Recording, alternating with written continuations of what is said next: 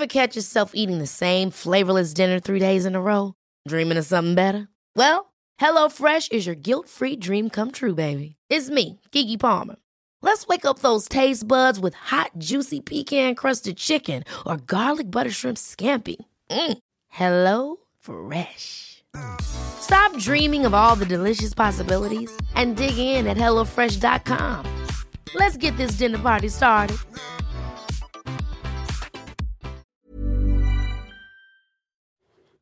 Hallo, kjære lytter. Før vi går i gang med dagens episode, så må jeg bare minne om at ShapeUp nå arrangerer ShapeUp Escape. Og dette er ei helg fylt med trening, spa og velvære på lekre Fyri resort på Hemsedal. Og målet med denne helga er rett og slett bare å skape godfølelse. Ja, det skal være en escape fra hverdagsstresset, rett og slett. Og du kommer til å få trene med intet mindre enn Kjetil Jansrud og ShapeUps egen covergirl slash coverman, Lars Mæland. I tillegg kommer Francesca Golfetto for å holde yoga, og det blir òg treningstimer med Lotte Oksholm og meg, Hanna Sundquist. I tillegg blir det jo treretters middag på kvelden med underholdning, og så blir det jo Seff goodiebags til alle sammen. Så det her skjer altså da 4. til 6. november og koster 4990 kroner per gjest. Så hvis du går inn på fyriresort.com slash shapeupescape, så kan du sikre deg billett nå. Og hvis du bruker rabattkoden ShapeUp2022 med stor S og stor U, så får du 400 kroner i rabatt. Dette blir helt, helt rått. Jeg gleder meg så mye!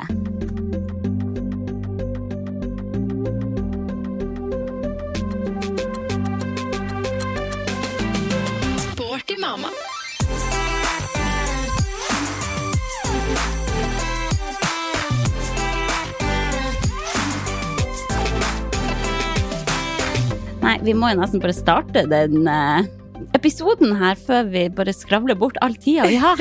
Ja. Velkommen i Sporty mama, kjære Maren. Åh, jeg er så glad vi fikk det her til.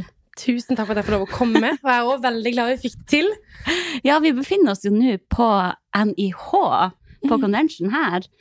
Og ja, vi er vel to svette, gravide damer begge to som sitter her nå. Å, fy søren, ja. Det går fra på en måte trening til foredrag, tilbake på trening og litt podkast innimellom. Så det er helt perfekt. Ja, det er sånn vi liker det. Vi må bare huske å roe litt ned mellom slagene. Så det her Ja. blir bare en hyggelig stund med deg. Det har jeg gledet meg veldig til. Ja, det har virkelig. Og det var godt å komme seg inn her og få satt seg ned for en liten prat. ja, virkelig. Og jeg regner jo med at de fleste i ShapeUp-universet har sett deg. Du har jo vært på cover i hvert fall to ganger. Ja, to eller faktisk tre, tror jeg. Ja, tenk! er Jeg tror faktisk det er rekord. Oi. Jeg tror du slår opp Pia Er Seberg. det sant? Ja, den tar jeg. Den tar Ja. jeg. Ja, så jeg regner jo med at de fleste egentlig vet hvem du er, men kanskje du kan bare ta en kjapp intro av deg sjøl? Absolutt. Mitt navn er da Maren Erdvik. Kommer som dialekten avslører fra Sørlandet, fra Kristiansand. Eh, 33 år gammel. Eh, bor sammen med samboer og to bonusbarn. Og har nå en liten baby i magen, som er veldig stas. Eh, jobber da som eh, trener, altså instruktør. Eh, både på et fysisk treningssenter. Og så har jeg også en online treningskanal som jeg kjører i gang. Eh, også utdanner både sykepleier og personlig trener. Og så jobber jeg jo en del med egne sosiale kanaler, da. Mm. Får lov å holde i treningsreiser og delta på treningseventer og shape convention og Altså, det her, der er du god. Jeg elsker det. Beste som er med jobben min. Ja, jeg føler at du er sånn blant de eh, veterantreningsprofilene i bransjen, Ja. for du har holdt på veldig lenge. Du, jeg har holdt på i mange, mange mange år, og jeg har faktisk ikke tall på akkurat hvor lenge, men jeg har vært i treningsbransjen sikkert 12-13 år, altså. Ja, du det har vet det. Nei, veldig artig. Jeg husker første gang jeg så deg, jeg tror det var på ShapeUp sin Instagram-profil, da dere var på covershoot. Og jeg bare tenkte, hvem er dette mennesket? For da var jeg veldig sånn, å, jeg må jobbe med ShapeUp, det er mitt kall i livet, liksom. Og nå er liksom. du redaktøren. Altså, I'm just saying. Og så så jeg deg og bare tenkte, ok, hun der virker kul, hun må jeg følge. Det er fantastisk. Det er veldig hyggelig. Og det var vel sånn i 2014 eller Ja, noe det er lenge siden, ass. Åh, Ja. tida flyr. Absolutt. Og nå sitter du her med baby i magen. Det er jo Ja. derfor vi har invitert deg med inn i Sporty mama. Mhm. Hvor langt er du på vei eh, nå, da? Du, det er perfekt timing, for i dag kan jeg si at jeg er akkurat halvveis. Altså uke 21 i dag. Ja. Mm. Så nå er uke 20 fullført, den halvveis halvveisuka, så det er deilig. Det er milepæl. Ja, det kjennes litt sånn ut, altså. Ja. Mm. Hvordan eh, er formen din nå, da? Du, den er jo helt super. Og det er sånn eh, Altså, jeg, jeg har ikke helt visst hvordan det skal kjennes ut, på en måte. Men eh, de første tre månedene var eh, litt mer utfordrende, hvis en skal si det. Mm. Eh, og så var det akkurat som noen bare slo på, eller av, en bryter når jeg passerte uke tolv. Og så var kvalmen borte og mindre trøtt, og føler meg nå egentlig veldig fin, altså. Det er jo magisk. Det er veldig deilig. Ja. Eh, så har det på en måte vært eh, andre ting, og det kommer vi sikkert inn på i løpet av episoden. Men akkurat det med fysisk form, der Mm. tror jeg at man er ganske heldig, i hvert fall til nå, da. Mm, Mm, kroppen funker fint. så bra. Mm. For jeg møtte deg jo sist gang på ShapeUp Convention, og da var du jo eh, betydelig mer kvalm enn det du er nå. Da var det vel litt rundt eh, Det var vel akkurat sånn uke 11-12, tror jeg. Ja. Eh, og det var rett før den der bryteren ble skutt av. Og da, sto jeg, ja, da følte jeg litt at gulvet gynga litt under meg, og jeg var liksom, ja. ganske sånn uggen. Herregud. Det er utrolig hvordan man klarer å mobilisere, for du holdt jo timer da Ja, på ja. of Convention. Og det var hemmelig at jeg var gravid! Ja. Å, gud! Det var faktisk kun hun Lotte som Hun så det. spurte deg. Tenk at hun torde det, egentlig. Men det var veldig fint òg, da. Det var jo, jeg holdt disse timene, og eh, Lotte sto litt sånn ustrategisk rett ut på sida av meg og fikk sett meg i profil under hele timen. Ja. Jeg sto veldig sånn smart at jeg sto foran klassen min, og der sto jeg hele tida, så de så meg på en måte kun Mm. rett forfra. Um, og så kom Lotte bort etterpå og var Altså, kan jeg spørre om Er det Så sa jeg ja, Lotte, du kan spørre. Det er en baby i magen. så hun spurte ikke, men hun på en måte la litt opp, da. Ja. Men det var bare hyggelig. Vi var helt alene i rommet. Det var bare hyggelig. Jeg kjenner Lotte godt, og det var helt fint. ja, det var guts. Altså, det er jo litt kleint hvis du hadde sagt nei, jeg har bare spist taco, liksom. God sommer, liksom. Ja. Kos meg litt. Ja. Og det er jo på en måte litt sånn man, man er jo litt redd for å spørre, sant? I hvert fall når det er så tidlig. Man kan ikke se det helt. Man ser kanskje at noe er annerledes, men, men det er jo skummelt å spørre Mm. jenter på en måte i den alderen der, sånn mellom 25 og 35. eh, Skummelt. Ja. Ja. Det er jo det. Man Mm. skal jo være forsiktig. Jeg merker jo, Nå går jo jeg rundt i uke 35 med stor gravidmage, men det er fortsatt folk som ikke tør å liksom spørre helt. Ja. Det er rart med det. Mens noen er sånn oi, oi, oi, hva har skjedd her? Men det opplever jeg det sjøl. Altså, det er jo ikke en kjempestor mage ennå, men eh, det er jo ikke 21, men det er jo liksom, du ser at det er noe der. Mm. Men det er veldig få som tør å spørre, hvis Ja. ikke jeg sier det sjøl. Nå har jo jeg på en måte også delt det rundt overalt på sosiale medier, så de som følger meg der, vet jo. Da Ja. er det jo på en måte hyggelig, og de går rett på og gratulerer, på en måte. Men folk som ikke har sett det der, de, de tør ikke spørre. Nei. Nei. Men det var sikkert en befrielse da å bare dele det på dine kanaler, da. Mm, og så var det så, altså det var Jeg lar meg fascinere av hvor på en begeistra folk blir på andres, andres vegne. Sånn at, at mine følgere kan bli så glad på mine vegne. Så jeg ble helt rørt av det. Ja. Det kommet så mye fine meldinger. Det tok helt av. Så Mm. det var veldig, veldig koselig. Og det er så fortjent. Ja. Og jeg så jo at du har jo nylig vært på ultralyd og fått bekrefta at det ser bra ut. Ja, og det var så fint. Ja, du har fått vite kjønn også. Ja, også. Jeg gikk rundt og kalte det for hva det sa noe offisiell eller obligatorisk ultralyd. Nå har jeg lært det heter ordinær. Ordinær! Offisiell! Altså, det er obligatorisk. Det er jo ingenting som er obligatorisk. Du kan velge selv.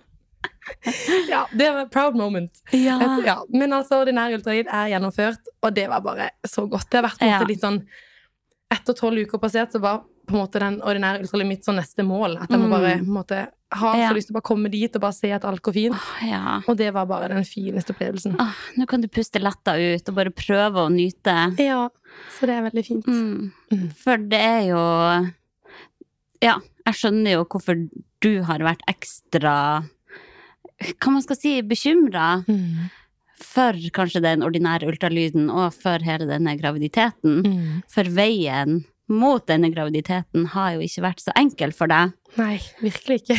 Vil du fortelle om det? Mm. Det er jo eh, Altså, nå har jeg jo valgt å være åpen om dette. Um, og jeg er litt stolt av meg sjøl for at jeg klarer det. Mm. Eh, og at jeg nå også, selv om jeg kjenner at det knytter seg i halsen, så klarer jeg å snakke om det. Mm. Eh, og beholde roen, holdt jeg på å si. Eh, det er kjempetøft å snakke om, fordi at eh, det er ingen som snakker om det. Men historien min, eller vår, eh, starta for et drøyt år siden. Eh, med en positiv graviditetstest som vi ble veldig, veldig veldig glad for. Mm. Eh, uken gikk, og det gikk kjempefint. Og like før det er tid for at man forteller det, så eh, begynner det rett og slett å blø. Litt sånn ut av det blå. Mm. Eh, jeg er på toppen av et fjell på sommerferie. Nei. På fjelltur. eh, og kjenner at nå er det noe som ikke stemmer. Eh, og det fortsetter å blø. Masse, og det er ganske sånn groteskt. Altså, alle som har vært gjennom dette, vet hva jeg snakker om nå. Mm. Eh, men likevel, selv om det var mye blod, så var det på en måte ikke alt. Eh, og dette er jo det, det vi kaller en missed abortion, altså at, Ja. At babyen ikke, på en måte, eller fosteret, ikke kommer ut. Eh, og det endte med en utskrapning på sykehuset da, i 11., nesten 12. uke. ja. Um, og det er jo brutalt nok Mm. i seg sjøl, hvor du har allerede klart å Eller sett for deg, begynt å planlegge for et lite liv og fremtida med på en måte den lille og, og alt det. Og så skal du inn der på sykehuset, og det er veldig sånn Det er dritskummelt. Ja. Og heldigvis så er det flinke sykepleiere, og jeg ble godt ivaretatt der og da. Eh, men jeg visste jo ikke da hva på en måte vi hadde i vente fremover. Og kanskje var det godt, for da vet jeg hvordan jeg skulle klart å komme meg Noen ting er det jo bra at man ikke vet. Ja, for det var første runde. Ehm, og etter det så kom det aborter på løpende bånd. Det høres jo helt brutalt ut å si. Eh, men vi mista etter den første gangen fire ganger til. Tenk på det. Og det er bare sånn Det at vi ble på en måte gravide igjen, ikke sånn veldig lenge etterpå, men såpass lenge at, at det var reelt at det var en graviditet, og Mm. fikk undersøkt det, og her er det på en måte eh, en positivitet, og det ble bekrefta hos en gynekolog, og på en måte gleden var stor igjen. Det var åh, det var en brutal start, men dette ordner Mm. seg, liksom. Og du ja, begynner å glede deg igjen. Mm. Helt til det igjen, plutselig en dag helt ut av det blå, begynner å blø igjen. Ja. Og den runddansen har vi sett eh, at vi har hatt nå. Ja da. Dette er min sjette graviditet. Tenk på det. Mm. Fem aborter har du vært igjennom Mm. i løpet av det siste året. Mm. Ja, drøyt år. Og hvor langt har de andre graviditetene kommet før Nest- det har skjedd? Er nesten alle sammen til uke syv. Ja. Altså det er noen, det er et par av de har skjedd veldig tidlig. Mm. Um, og det var noen av de siste, holdt på å si. De, den etter gikk vel til rett over uke syv, og så kom noen av de i uke fem. Altså det har vært litt sånn mellom der. Mm. Og det gjør at du bare slutter nesten å tro på at dette kommer til å gå. Det skjønner jeg. Så denne runden her har jeg vært helt sånn At du bare skrur av alt av følelser. Jeg har vært helt sånn maskin. Ingen har fått Ja. lov å være glad for dette. Ja. Veldig, veldig, veldig få har visst om det. Og den stakkars fantastiske, skjønne mannen min har jo Mm. bare måttet stå i at jeg ikke vil snakke om foster i magen, at dette det er et tidsspørsmål før det kommer til å forsvinne. Mm. Det er ikke noe vits engang. Um, så det, det har vært ordentlig brutalt. Og så føler du deg så sjukt aleine. Mm. For altså, jeg visste ikke om noen som har på en måte mista, og så husker jeg litt når vi sto litt midt oppi, så kom det ut en artikkel om Tonje Næss, noen kickboksing hadde vært hun driver med. En, ja, Mhm. idrettsutøver, i hvert fall. At hun hadde mista tre ganger. Det var stor sak i VG, og det var sånn wow, så vilt. Hun har mista den tre ganger, og da satt jeg der og har på en måte akkurat gått gjennom min femte abort. Femte. Og føler Ja. meg jo bare som et stort var jo sånn, jeg, får til, altså jeg får ikke til dette her, noe er galt med meg. Et eller annet er feil. Her er På landets største avis er de i sjokk over at noen har mista tre ganger. Jeg sitter her og har mista fem. Altså det var Mm. Du føler deg så på bunnen, da. Ja. Og helt aleine. Og alt du ønsker deg, er den lille babyen da, Mm. som du har sett for deg fra første gang du tok en positiv test. Og så vil du jo bare altså, Og det er litt akkurat det som er grunnen til at vi egentlig sitter her nå. For det jeg sa til meg sjøl at hvis, hvis dette noen gang ordner seg, hvis dette noen gang går bra, Mm. så skal jeg snakke om det. Ja. Sånn at alle de som sitter der hjemme nå og på en måte går gjennom om det er én eller fem, det har egentlig ingenting å si, for det er, det er bare så forferdelig vondt uansett. Mm. At de skal kjenne på at de er faktisk ikke alene. Det er bare det at det er så vanskelig å snakke om at vi gjør det ikke. Mm. Så det er ikke det at du er verken unormal eller annerledes, eller at det er noe galt med deg. Det er rett og slett bare så tøft å snakke om at de aller, aller fleste lar være. Ja. Og det forstår jeg. Jeg skjønner det veldig godt. Mm. Og det er jo så forskjellig syn på dette også, og Mm. man er sikkert redd for kommentarer og hva folk skal si. Og, Og så føler man sikkert at alle andre rundt seg blir gravid, og så ja. er det du sjøl som ikke får det til, da. Ja, og jeg har ikke tall på hvor mange nydelige, skjønne jenter jeg måtte på en måte bare skjule på Instagram, fordi jeg klarer Mm. ikke å se på de kjempefine gravidmagene, Mm. og at de på en måte forbereder seg på alt det fine de har i vente, og så sitter jeg Ja. her og aner hvordan fremtida mi og vår blir. Da. Nei, nei. Mm. Uff, herregud, jeg vet ikke hva jeg skal si. Det høres helt forferdelig ut. Det må ha Mm. vært ei så stor påkjenning både mentalt og fysisk. Mm. Hvordan har du kommet deg gjennom det? Det er litt det jeg på en måte sitter og tenker på nå. Jeg har fått det spørsmålet flere ganger fra på en måte folk rundt. Litt sånn Hvordan går det an? For jeg har jo på en måte Jeg har holdt alle gruppetimene mine. Gjennomført treningsreiser, jeg har vært på eventer. Ja. Men har på en måte ikke vært borte en eneste dag. Eh, så folk blir jo helt sånn De forstår ikke hvordan det her er mulig. Men det er kanskje litt sånn overlevelsesmekanisme at man Ja. bare prøver å holde i gang. Eh, og så har jeg heldigvis eh, Nå har jeg i hvert fall knop i halsen, for det, jeg, kan, jeg kan ikke snakke om den mannen jeg har hjemme, for han er Mm. bare he, Altså, ja, ikke sant? Åh.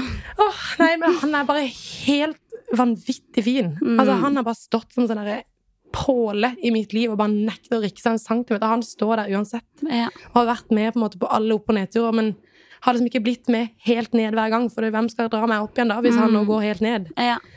ja, for det har jo sikkert vært tøft for han også, Mhm. men så har han også klart å støtte deg for at det kanskje har vært enda tøffere for deg. Mm, og det er jo litt, det er jo i min kropp det skjer. Ja. Og det er, litt, det er veldig vanskelig for partner òg, fordi de ser jo bare hvor knust og lei meg blir, hvor vondt det er, både fysisk Mm. og psykisk. Og så kan han ikke gjøre noen ting. Nei. Han kan ikke gjøre noe. Bortsett fra å stille opp og være der og holde Mm. rundt meg. Og, okay, altså, han har løfta meg opp fra det badegulvet så mange Ja. ganger. Og bare, ja, men eh, det er jo litt sånn når vi står her nå Altså, jeg kan gå i krigen med den mannen. Vi kan takle Ja. alt. Det er ikke én storm vi ikke står fast gjennom, og det er jo egentlig veldig fint. Herregud, nå får jeg jo klump i Ja, men det er litt sånn, altså. Man skal inn i foreldrerollen sammen, som eh, er veldig klar over også kommer til å by på masse utfordringer. Og da er det på en sånn Det er nesten litt sånn På en måte litt fint å vite at, at vi tåler det. Ja. Vi har stått i ting før, og vi er på et bunnsolid team. Dere takler alt Ja. etter det her. Ja. Virkelig. Så han har vært superviktig, og så har jeg verdens fineste familie. Ja. Virkelig, De har også vært informert fra dag én. Min Så du har vært åpen med de nærmeste familie om Ja. alle graviditetene du Ja, har hatt? Ja. Ja, spesielt mamma eh, har vært helt nydelig. Hun har visst Mm. alt hele veien. Og så har jeg jo hatt eh, et knippe eh, venninner som har på en måte vært visst det hele veien, som har støtta Mm. meg og vært med også alle opp- og nedturer. For det er noe med bare Ja, der tror jeg bare det er så viktig at man tar et valg om å, om å dele det med noen. Ja. For alle på en måte problemer og utfordringer og vonde ting blir litt mindre når det fordeles ut på flere personer. Virkelig. Ja. Og så er det noe med at de andre også vet litt hva du står i, og kanskje har større forståelse for at du kanskje ikke vil være med i en bursdag eller ja, hva som helst, da. Mm. Man blir jo litt møtt med mer forståelse hvis andre vet. Ja, det er akkurat det, for man har jo Det er jo litt de tingene der. Altså, jeg har brukt min kapasitet på å få gjort på en måte, jobben min og være Altså klare også å ta vare på mine nærmeste. Han som jeg er sammen med, har eh, to barn fra før. Mm. Eh, og de jo på en måte skal jo ha sitt, sant? Mm. Og trenger at, eh, at man er der for de òg. Ja. Så du, man, jeg har bare valgt litt hvor jeg kan sette energien min, og det er på en måte ja, med på de nærmeste, og få på en måte hverdagen til å gå rundt, da. Mm. Mm, men- ja, ja, de skal jo òg få søster eller bror, Ja. så det er jo ja, det er jo flere som kommer til å få et forhold til den babyen i magen din. Absolutt. Og det er jo det som er litt fint nå, på en måte. Det er rart, men det var en god venninne av meg som sa det. Det er litt som en fødsel, Maren. Det du har vært gjennom, er helt grusomt vondt. Mm. Men så glemmer man det litt når det på en måte Når, Ja. når, man får den babyen, eller når jeg nå er gravid og det har gått så langt at dette sannsynligvis går bra, så er det akkurat som alt det vonde Det legger seg teppet litt over det. Altså sånn, det er ikke sånn at jeg nå går og tenker på dette hver dag og har på en måte en sånn stor sorg i hjertet mitt. Det er, det er blitt fylt opp nå Mm. av den lille babyen i magen. Ja. Og også fordi man har prata så mye om det med de Mm. rundt meg, da. Mm. Så det går faktisk sånn på ekte veldig greit akkurat nå. Det er fantastisk, Ja. og det er så bra at nå at du nå sitter her gravid og er Mm. halvveis. Det er nesten uvirkelig. Altså, jeg syns det er uvirkelig. Ja, Ja, det det er det. skjønner jeg veldig godt. Mm. Men hva tenkte du da du tok denne sjette positive testen, da? Åh, ja, og det var jo sånn Da hadde jeg ikke peiling på at jeg kunne være gravid. Eh, og var gravid en god stund før jeg fant ut av det sjøl. Mm. Eh, men når jeg tok den, så husker jeg Jeg så han, og så tenkte jeg ja, here we go again. Ja. Og så husker jeg sendte en snap av alle ting til Magnus, som jeg er sammen med, og bare Oi sann, tror, tror vi kjører en runde til, liksom. ja. Han bare OK, men uh, dette går bra, liksom. Vi, vi bare ser. Og jeg bare OK, vi bare ser. Og så prøvde jeg bare ikke ha egentlig så mye fokus på det. Fordi Mm. at uh, jeg går jo rett i tilbake til gamle vaner. Dette Ja. går sannsynligvis ikke bra. Ikke gidd å få opp noen positive følelser rundt det. Bare ja, Mm. vi har sett testen, ikke tenk så mye mer på det. Mm. Altså, klarer man det likevel ikke, så tenkte jeg åh, jeg må bare jeg må ta noen flere tester. Er dette reelt? Så da gikk jeg og kjøpte fem tester til. Tok alle fem. Alle var positive. Ja. Tenkte jeg ok. Og så måtte jeg prøve, bare prøve å legge det litt vekk. Og det var akkurat når jeg skulle gå ut en liten stund før jeg skulle ut i sommerferie. Mm. Og det tror jeg òg kanskje var en positiv ting, for da gikk man inn i en roligere periode. Mm. Um, og så tenkte jeg, hva har jeg ikke prøvd før, på en måte? Jeg altså, du, du ødelegger det sjøl med å tenke, hvorfor skjer dette? Hva Ja. kan jeg gjøre noe annerledes? Er det noe man blir selvfølgelig eh, fulgt opp? Alle tester tas. Du blir ganske nøye Mm. undersøkt når man har hatt så mange aborter. Altså rent fysisk blir du nøye undersøkt. Mm. Um, og det var jo ingenting galt. Så tenkte jeg ok, hva har, hva har jeg sjøl ikke prøvd? Mm. Og det eneste jeg ikke har prøvd, er å roe ordentlig ned. Ja. Ja, Så jeg tok en sommerferie og bare godtok at ok, nå tar jeg noen roligere uker og bare se åssen det funker. Mm.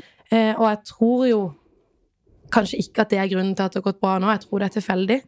Eh, men da visste jeg i hvert fall med meg sjøl at jeg hadde også prøvd det å ikke på en måte ha det vanvittig hektiske livet som jeg har til vanlig. Mm. Bare Eh, prøve ei eller annen forandring. Yes. Ja. På en eller annen måte bare prøve å teste noe annet. Eh, og som sagt, jeg vet ikke når det som funka, men eh, ukene gikk i hvert fall. Og, ja, så vi satte oss sånne små delmål. Det var ikke lov å vise noe form for entusiasme over dette før tolvte uke. Ja. var, var nådd, liksom. Ja. Og så var neste liksom ordinær ultralyd. Eh, og når det òg nå er nådd, så, så kjenner jeg liksom på at nå er det egentlig bare gode følelser igjen. Nå kan du endelig senke skuldrene og prøve å nyte det her. One size fits all seemed like a good idea for clothes Nice dress. Uh, it's a it's a t-shirt. until you tried it on. Same goes for your healthcare. That's why United Healthcare offers a variety of flexible, budget friendly coverage for medical, vision, dental, and more. So, whether you're between jobs, coming off a parent's plan, or even missed open enrollment, you can find the plan that fits you best. Find out more about United Healthcare coverage at uh1.com. That's uh1.com. Ever catch yourself eating the same flavorless dinner three days in a row? Dreaming of something better? Well, HelloFresh is your guilt free dream come true, baby. It's me, Gigi Palmer. Let's wake up those taste buds with hot, juicy pecan crusted chicken or garlic butter shrimp scampi. Mm. Hello Fresh. Stop dreaming of all the delicious possibilities and dig in at HelloFresh.com. Let's get this dinner party started.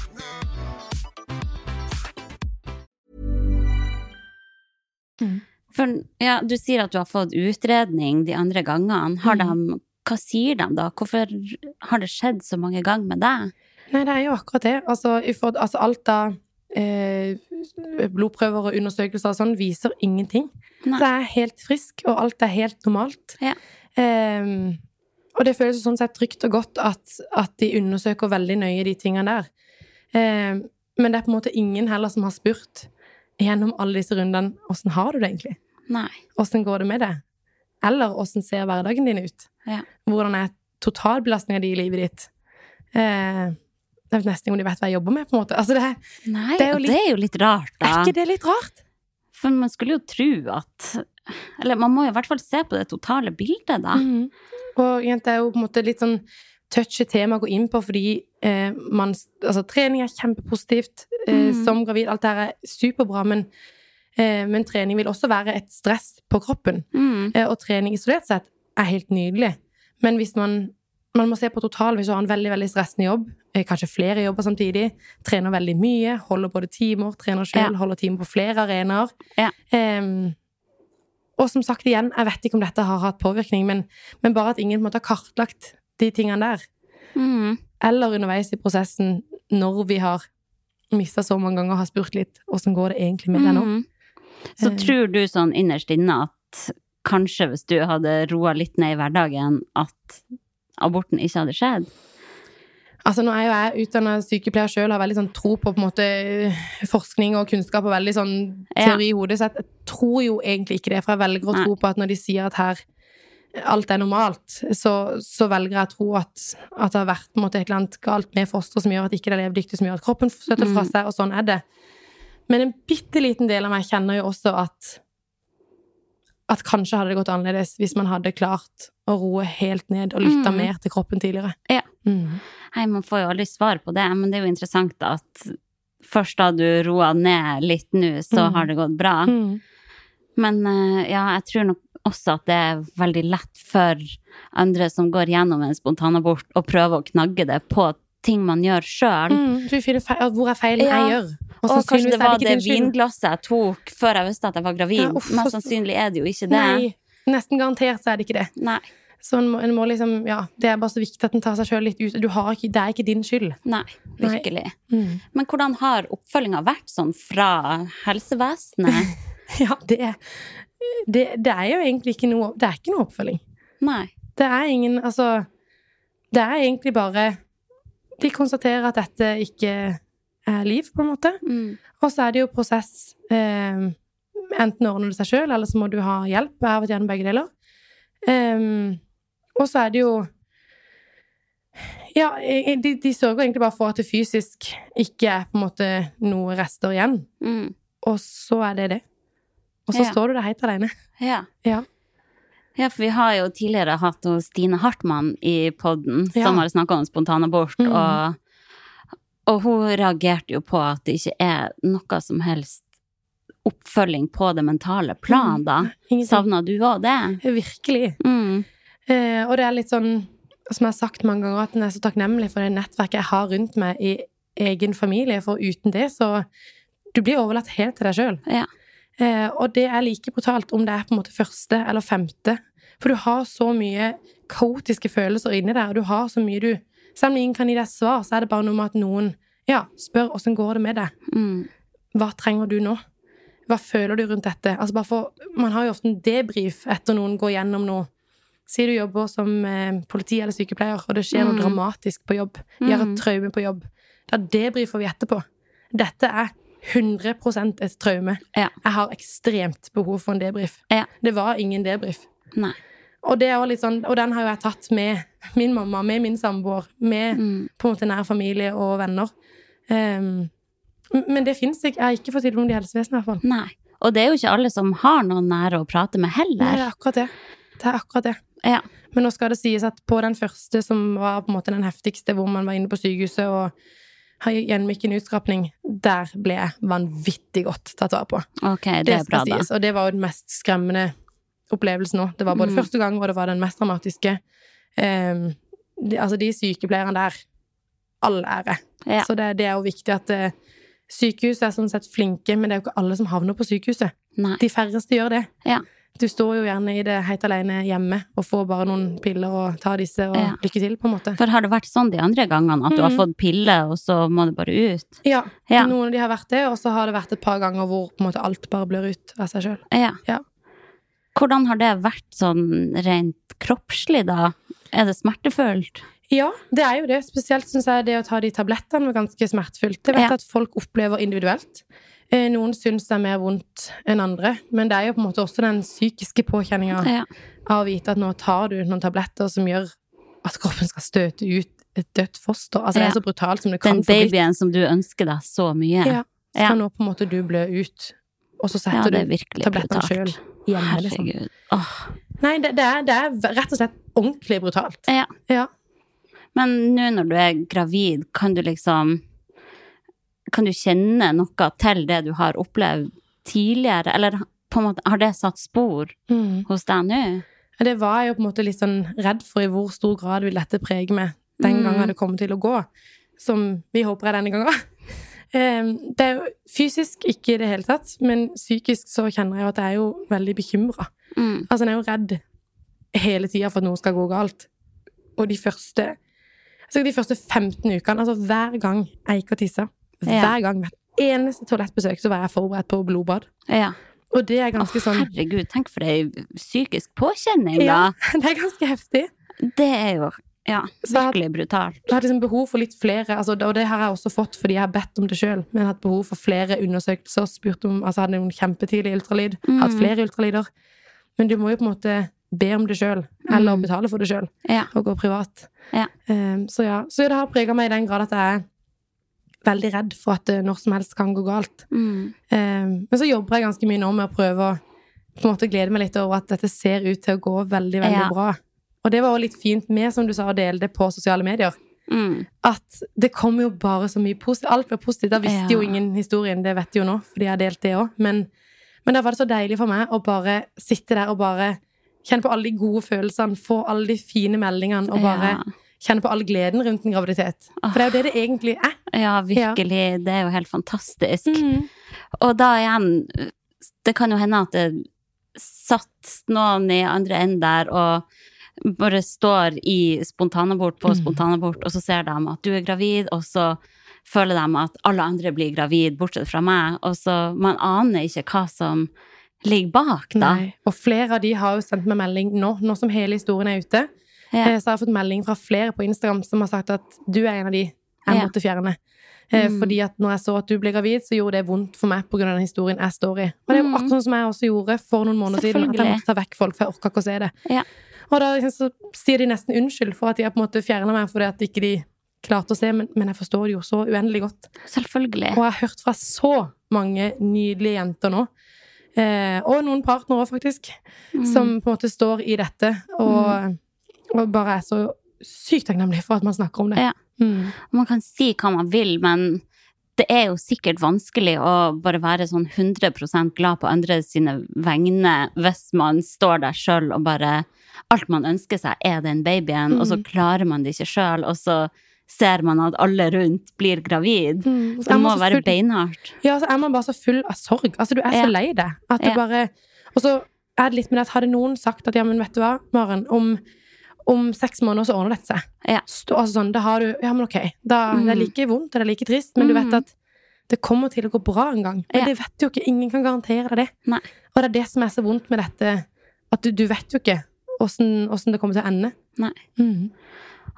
Nei, det, jeg klarer jo ikke å forestille meg hvor forferdelig det må være. Nei. Og så er det veldig, veldig vanlig. Det er faktisk viktig å si, og det skal jeg si igjen og igjen. At Mm. dette er så vanlig. Ja. Og det er nesten litt sånn De sier jo det i løpet av et- kvinnens fertile liv, så vil utrolig mange oppleve dette. Og noen merker det ikke engang. Noen Nei. tror at det er en vanlig menstruasjon. Ja. Og så var det en supertidlig spontanabort. Mm. Eh, så det skjer. Og det er så vanlig. Mm. Nei, og jeg er bare sikker på at det at du deler de historier, kan hjelpe så mange andre også. Jeg håper det. Det er i hvert fall hensikten. Ja, virkelig. Mm. Men har du Hvor lenge har du ønska deg barn, da? Jeg har alltid måte visst at jeg hadde lyst på barn. Mm. Jeg kommer fra på en, måte, en eh, stor familie, og hun er veldig, veldig glad i barn. Så, det, så jeg har alltid hatt lyst til det. Men jeg har aldri hatt noe sånn innen jeg på en måte 35 skal jeg ha to barn. Altså ikke noe sånn. Nei. Men så ble det selvfølgelig litt sånn når jeg møtte Magnus, så var det jo, ble det jo veldig tydelig for meg at dette er jo mannen jeg har lyst til å ha barn med. Ja. Eh, men så er det mye som skal på plass. Siden han har to barn fra før. Viktigst er jo de, selvfølgelig, at de føler seg liksom trygge og ivaretatt og kjenner at de er helt på plass med å ha meg i livet sitt. Før vi i det hele tatt vurderer det. Eh, så ønsket har alltid vært der. Mm. Men, eh, men det var liksom en måte rundt nå, siste år, halvannet, at vi har liksom tenkt at nå starter vi den prosessen. Ja. Ja. Åh, nei, det var jo godt at dere ikke visste helt hvordan den prosessen kom til å bli, Å da. ja, virkelig. Ja. Mm. Det er ofte godt man Egentlig litt godt at ikke vi vet alt vi skal gjennom og testes på i livet. Ja, ja, For virkelig. at det Ja, nei. Men uh, har du tenkt noe sånn på framtida, da? Fødsel, for eksempel? Har du gjort deg noen tanker rundt det? Ja, det er jo på en måte akkurat egentlig nå eh, som man er halvveis i svangerskapet og kjenner at Og jeg jo faktisk begynner å tro på at dette går fint. Ja. Eh, så begynner man å tenke litt på det. og det er litt todelt. For da, på den ene sida så tenker jeg sånn Jeg har vært gjennom så mye brutalt. Ja. Det der, der, det tar jeg. Ja. Altså, når premien på andre enden er min lille skatt, liksom. Ja. Altså, det der skal jeg klare. Mm. Så det er litt sånn power-tanke. Dette står du i morgen. I den andre sida, da blir jeg livredd. altså, ja. Mm. Jeg, jeg aner jo ikke hva jeg går til. Jeg har aldri gjort dette før. Eh, men jeg har, eh, på godt og vondt, veldig ærlige venninner Mm. som forteller meg akkurat hva jeg skal igjennom. Og så er de jo veldig flinke til å si at alle fødsler er helt individuelle Ja. og unike. Det er ikke De altså, er jo det. ja. Men de har vært ganske sånn ærlige. Jeg føler jeg har et ganske reelt bilde av hva som venter. Så jeg er jo sykepleier sjøl og har eh, Jeg vet litt hva det går i. Ja. Men eh, ja, så det er veldig sånn todelt. Jeg måte gleder meg på en måte, samtidig som jeg er forferdelig redd. Mm. Ja. Hva Men- tenker du? Du er ganske nærme, du nå. Nei, det, det med fødsel er jo veldig skrekkblanda fryd, da. Ja. For på den ene sida betyr jo fødsel at du snart får møte den lille babyen du har gått med inn i kroppen din. Ja. Men på den andre sida er jo fødsel veldig brutalt. Oh yes. Eh, så nå når jeg skal gjøre det for andre gang, da vet jeg jo enda mer hva jeg går til. Ja, det er jo liksom på godt og vondt, å si. Ja, for du, egentlig er det bra at du bare ikke vet så mye. Gå inn der med et åpent sinn og bare prøv å slippe kontrollen. Ja. Så babyen kommer ut Det uansett. akkurat det. Og det er jo litt sånn godt det at man er sykepleier. Altså, jeg stoler veldig på helsevesenet vårt. Jeg stoler veldig på at de som er på jobb, det er jordmødre, sykepleiere. Dette kan de. Ja. De gjør dette hver dag. Og så ser jeg rundt meg. Alle som er her, har på en måte blitt født. Ja. Og alle, så mange kvinner på ha født. Altså, dette skal jeg også klare. Men, eh, men det er en ekstremt skremmende tanke. det virker bare ja, Eller det er helt uvirkelig når man står i det sjøl. Mm. Men på magisk vis går det. Ja.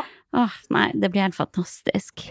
Men har du tenkt noe på sånn hvordan du kommer til å bli som mor? Jo altså, det er jo enda en sånn tanke som er helt sånn utopisk for min del. Det er jo det jeg Ja. på en måte har ønska meg, og ønsker meg så høyt. Men jeg har liksom ikke turt å gå helt dit, da. Mm. Og jeg satt meg underveis i dette sånne delmål. Først var det tolv uker, og det var en sånn liten milepæl. Og så var det liksom ordinær ultralyd som var en milepæl. Og nå er jo egentlig det neste store fødsel, på en måte, og Ja. videre rollen som mor. Mm. Eh, jeg får klump i magen og tenker på det òg, på at man skal bli mamma. Mm. Ehm, men jeg er forberedt på en måte alt som måtte vente der av nye utfordringer og vanvittige følelser. Og det er jo som Jeg har en veldig, veldig veldig flink lege, og hun sier også det at det er helt normalt, Maren, at du er ganske bekymra nå. Og det skal Ja. fortelle at det stopper ikke. Du fortsetter å være veldig bekymra når det barnet kommer ut òg, og det er velkommen til rollen som mamma. Ja. Et bekymra liv. Så det Den bekymringa endrer seg jo bare. Ja.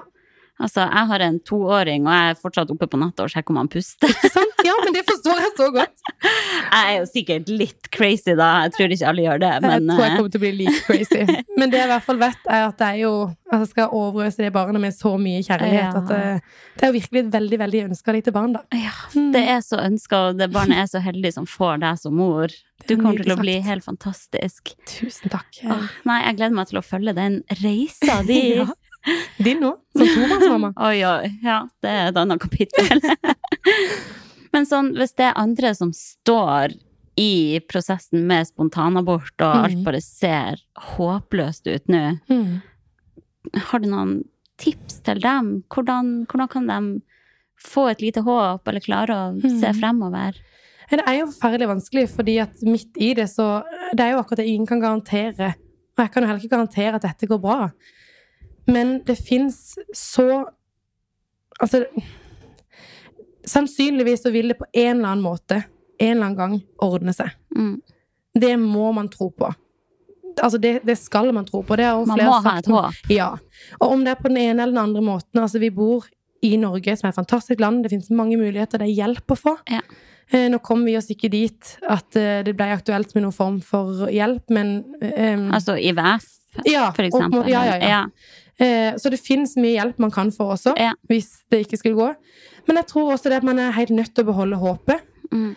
Eh, og bruk de menneskene rundt deg. Tør å snakke om det. Åpne opp. Det trenger ikke være måte, offentlig, men bruk noen nære, om det er foreldre, om det er familie, om det er en god venninne. Eh, og hvis ikke du har noen, skriv ting ned. Skriv ned hva du Mm. tenker på. Altså, del det med Del det på en eller annen måte. Ja. Eh, og så får jeg bare veldig lyst til å si at det kommer til å gå bra. Mm. Ehm, men jeg tror bare at når man står midt i det, så, så føler Altså, det er så ensomt, da, og ingen kan klatre inn i den sorgen med deg. Mm. Ehm, og det er det noe av det vondeste mennesker kan oppleve, er jo på en måte det uvisse. Altså, de vet jo ikke åssen det ender. Men jeg tør å påstå at eh, hvis en bare klarer å tenke at på et eller annet tidspunkt, på en eller annen måte, så vil det gå bra til slutt. Mm. Og det klarte jeg på en måte å holde litt på, men jeg ja, Nå valgte jo ikke jeg å bli på en måte kjempeglad over en ny test. jeg valgte å prøve å holde meg litt nøytral. Bare fordi at jeg var så realistisk inn i det at det kan godt være at ikke det går igjen.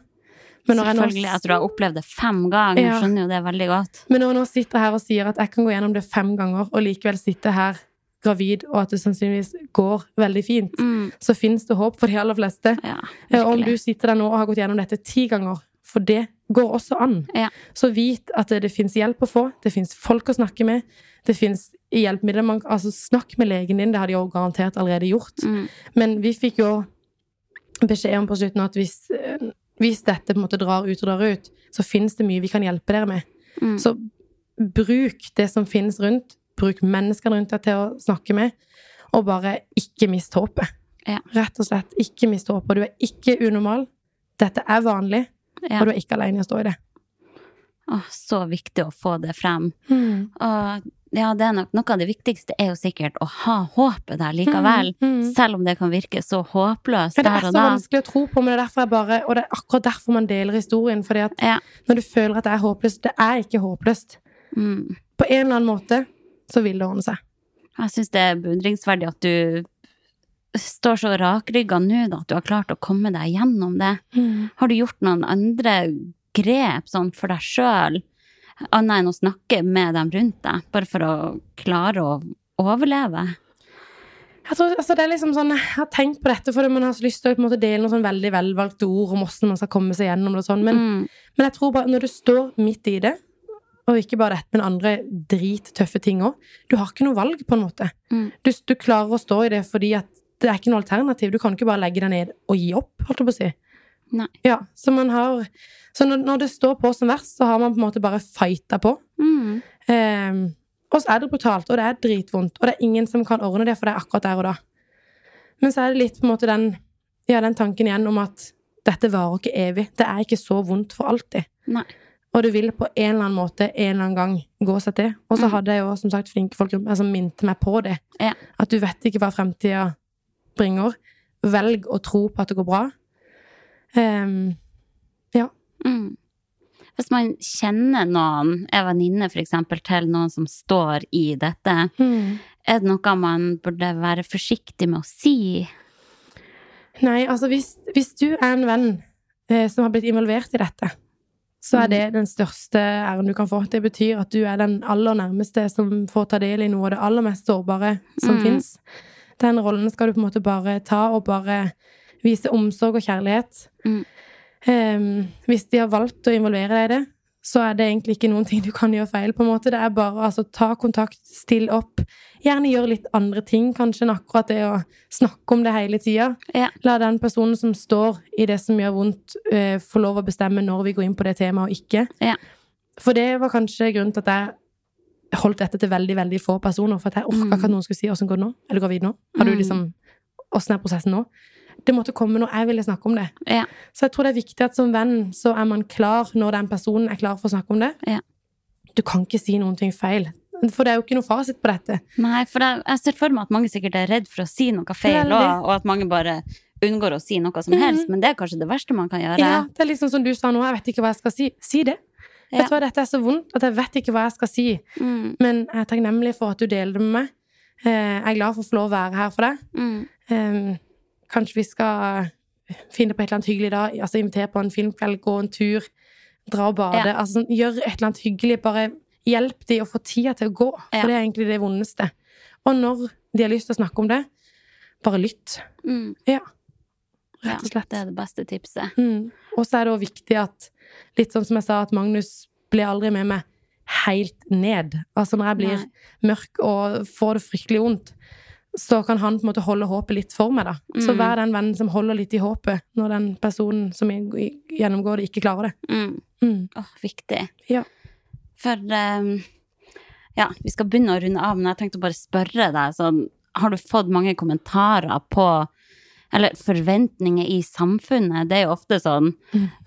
Spesielt kvinner får høre når man begynner å nærme seg 30, at ja, når skal du ha barn? Oh yes. Har du fått noen sånne mens du har stått i dritten? Ja, og det er jo kanskje det aller mest brutale. Vi snakka litt innledningsvis om at eh, man ofte, altså folk ikke tør å spørre på en måte, om graviditet og sånn, men så er det jo det er jo mange som spør òg. Ja. Eh, og det er kanskje akkurat derfor vi ikke burde spørre. Jeg har fått spørsmål om ja, når tenker dere få barn, da? Og så på en måte aborterte jeg for fire dager siden. Ja. Og står midt i en helt forferdelig prosess. herregud. Mm. Og vi vet ikke hva folk står i. Nei. Og det er litt sånn, litt sånn klisjé å si, men bare møt folk med vennlighet og snillhet, for du Ja. aner ikke hvordan de egentlig har det. Det er jo jeg verdens beste eksempel på. Mm. Um, så ja, det spørsmålet har jeg virkelig fått flere ganger. Og det tenker jeg Altså. at det er det garantert mange av oss som har opplevd, og det gjør det Ja. bare enda mer vondt. Ja. Så hvis ikke, åpner hvis ikke de åpner opp for å snakke om det sjøl, så ikke, Nei. ikke popp det spørsmålet. Nei, virkelig. Folk må bare ikke legge seg så oppi andre sitt privatliv. Det er veldig privat, egentlig, hva som foregår inni livmora di.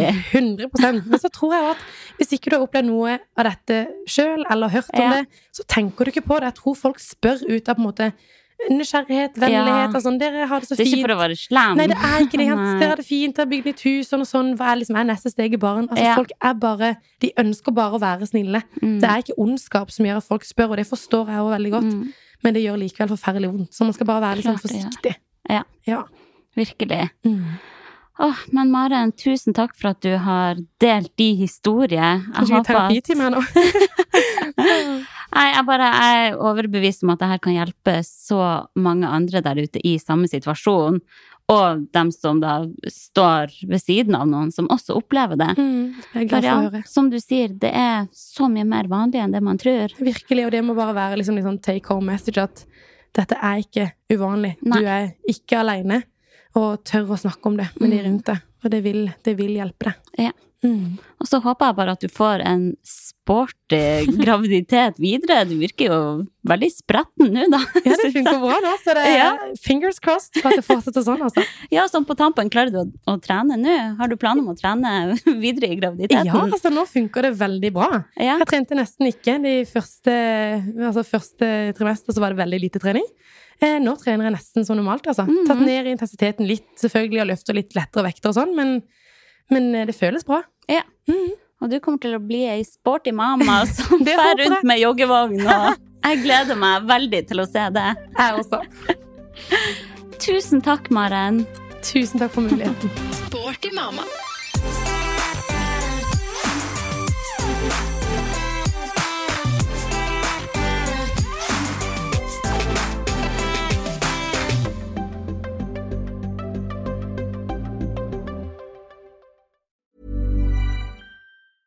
Ever catch yourself eating the same flavorless dinner three days in a row? Dreaming of something better? Well, HelloFresh is your guilt free dream come true, baby. It's me, Gigi Palmer.